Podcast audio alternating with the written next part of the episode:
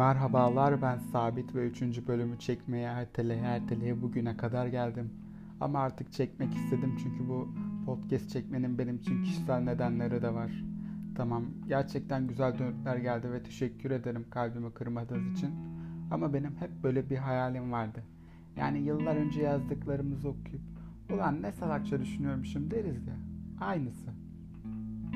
Ki zaten podcast'a başlama fikrim oluşmadan 1-2 hafta önce de Wattpad ve Tumblr hesabımı bulmuştum ki Wattpad hesabım çok fenaydı. Yani hikayelerimde o zamanlar vampir günlükleri fan olmamın etkisi o kadar belirgin ki izleyenler bilir. Vampir günlüklerinde vampirler insanlara istediklerini yaptırabiliyor. Yani etkisi altına alabiliyorlar. Tabii Catherine Pierce vampir olmasa bile beni etkisi altına alabilecek bir kadın da orası ayrı konu. Neyse hikayemde de ben vampirim. Sevdiğim kıza etkim altına alarak sevgili oluyoruz. Çünkü o zamanlar onun beni sevebilme ihtimali benim vampir olup onu etkim altına alabilme ihtimalimden de düşüktü. Ah İsmail abi ah. Yüzünde bir bakış açısı ama ortaokuldayım. Simitçi bıyığım falan var. Yani normalde diyebiliriz. Güzide Wattpad hikayelerim dışında da bir sürü şiir defterim var. Onları okumak o kadar güzel hissettiriyor ki ve bu tarz şeyler yazmanızı kesinlikle tavsiye ederim. En güzeli günlük tutmak ama onu ben hiçbir zaman başaramadım. Şiirler, bazen kısa hikayeler yazdım. Ama onları da bu aralar çok azalttım. Kendime tweet atmaya yönelttim. Nasıl ama Edip Cansever'den esinlenmek varken Toşku ama duygusal fakisten esinlenmek. Tabi Twitter çok önemli bir mecra haline geldi.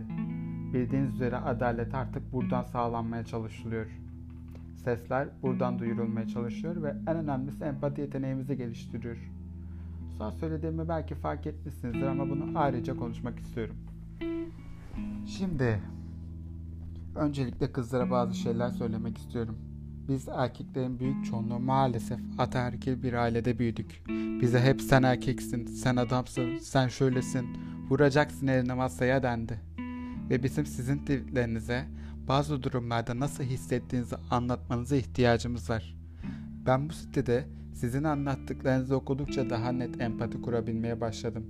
Tabii ki tamamen anlayamayız sizi. Veya tamamen anlayabiliriz de demiyorum. Ama siz anlattıklarınızın çok bir etkisi olmadığını düşünseniz bile bunun bir kelebek etkisi yarattığını, yaratacağını düşünüyorum. Hani düşünelim bir hayatında hiç Twitter vesaire kullanmamış, sabahtan akşama kadar tek bir kanal izleyen, belirli kalıplarla büyütülmüş biri. Oluştu değil mi kafanızda o tip? Hani böyle biri sizi anlayabilir mi? Aynı şekilde bizim de kalıplarımızı değiştirmemiz için size ihtiyacımız var. Veya çoğumuz Müslüman bir ailede büyüdük sonuçta. Ve ben 6-7 yıl önce LGBT'yi yanlış bir şey sanardım ama o insanların hissettiklerini okudukça kendimden öyle utandım ki. Tabi bazı insanlara asla bir şey anlatamıyorsunuz veya bazı insanlar da sadece duyar peşinde oluyor.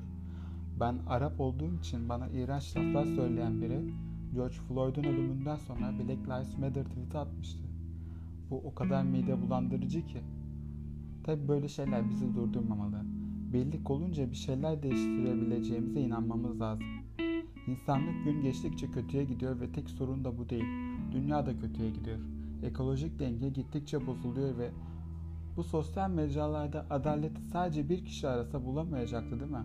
Bu yüzden bunları da hep birlikte yapmak, artık bir şeyleri de değiştirmeye çalışmak gerekiyor.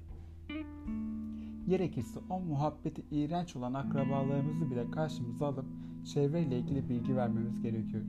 Sevdiklerinizin sağlığını da umursayın. İçiyorsa sigarayı bıraktırmaya çalışın. Ben normalde olayları dalgaya vurmayı seven bir insanım ama bunları size çok ciddi ve yalvarı gibi söylüyorum. Yalvarı gibi.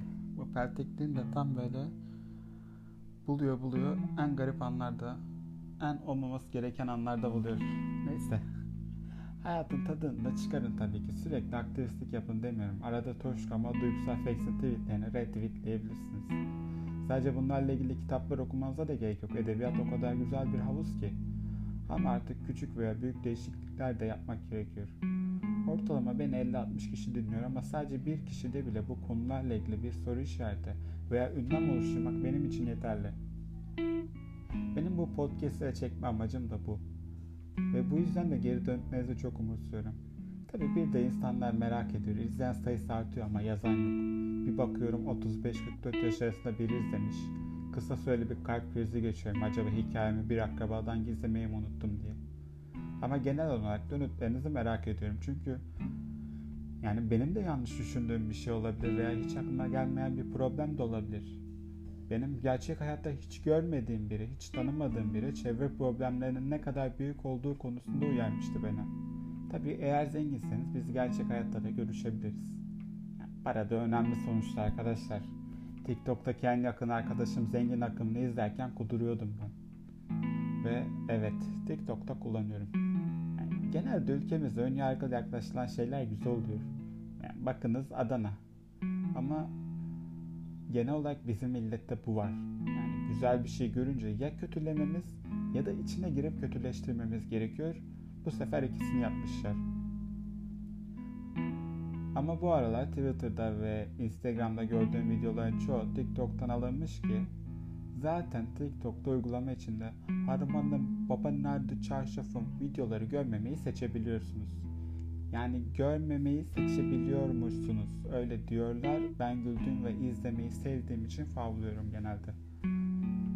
Yani beni adandan atabilirsiniz ama içindeki Adana'yı benden atabilir misiniz bilemiyorum Kivrem. Bugün Twitter hakkında konuşmak istemiştim de TikTok'ta arada kaynadı böyle.